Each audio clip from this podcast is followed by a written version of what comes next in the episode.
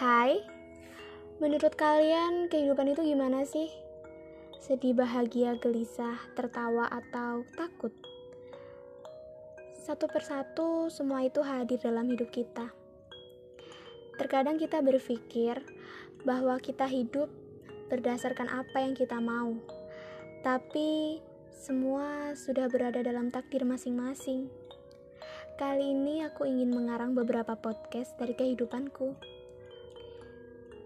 Semoga podcastku ini bisa bermanfaat untuk para pendengarnya. Terima kasih.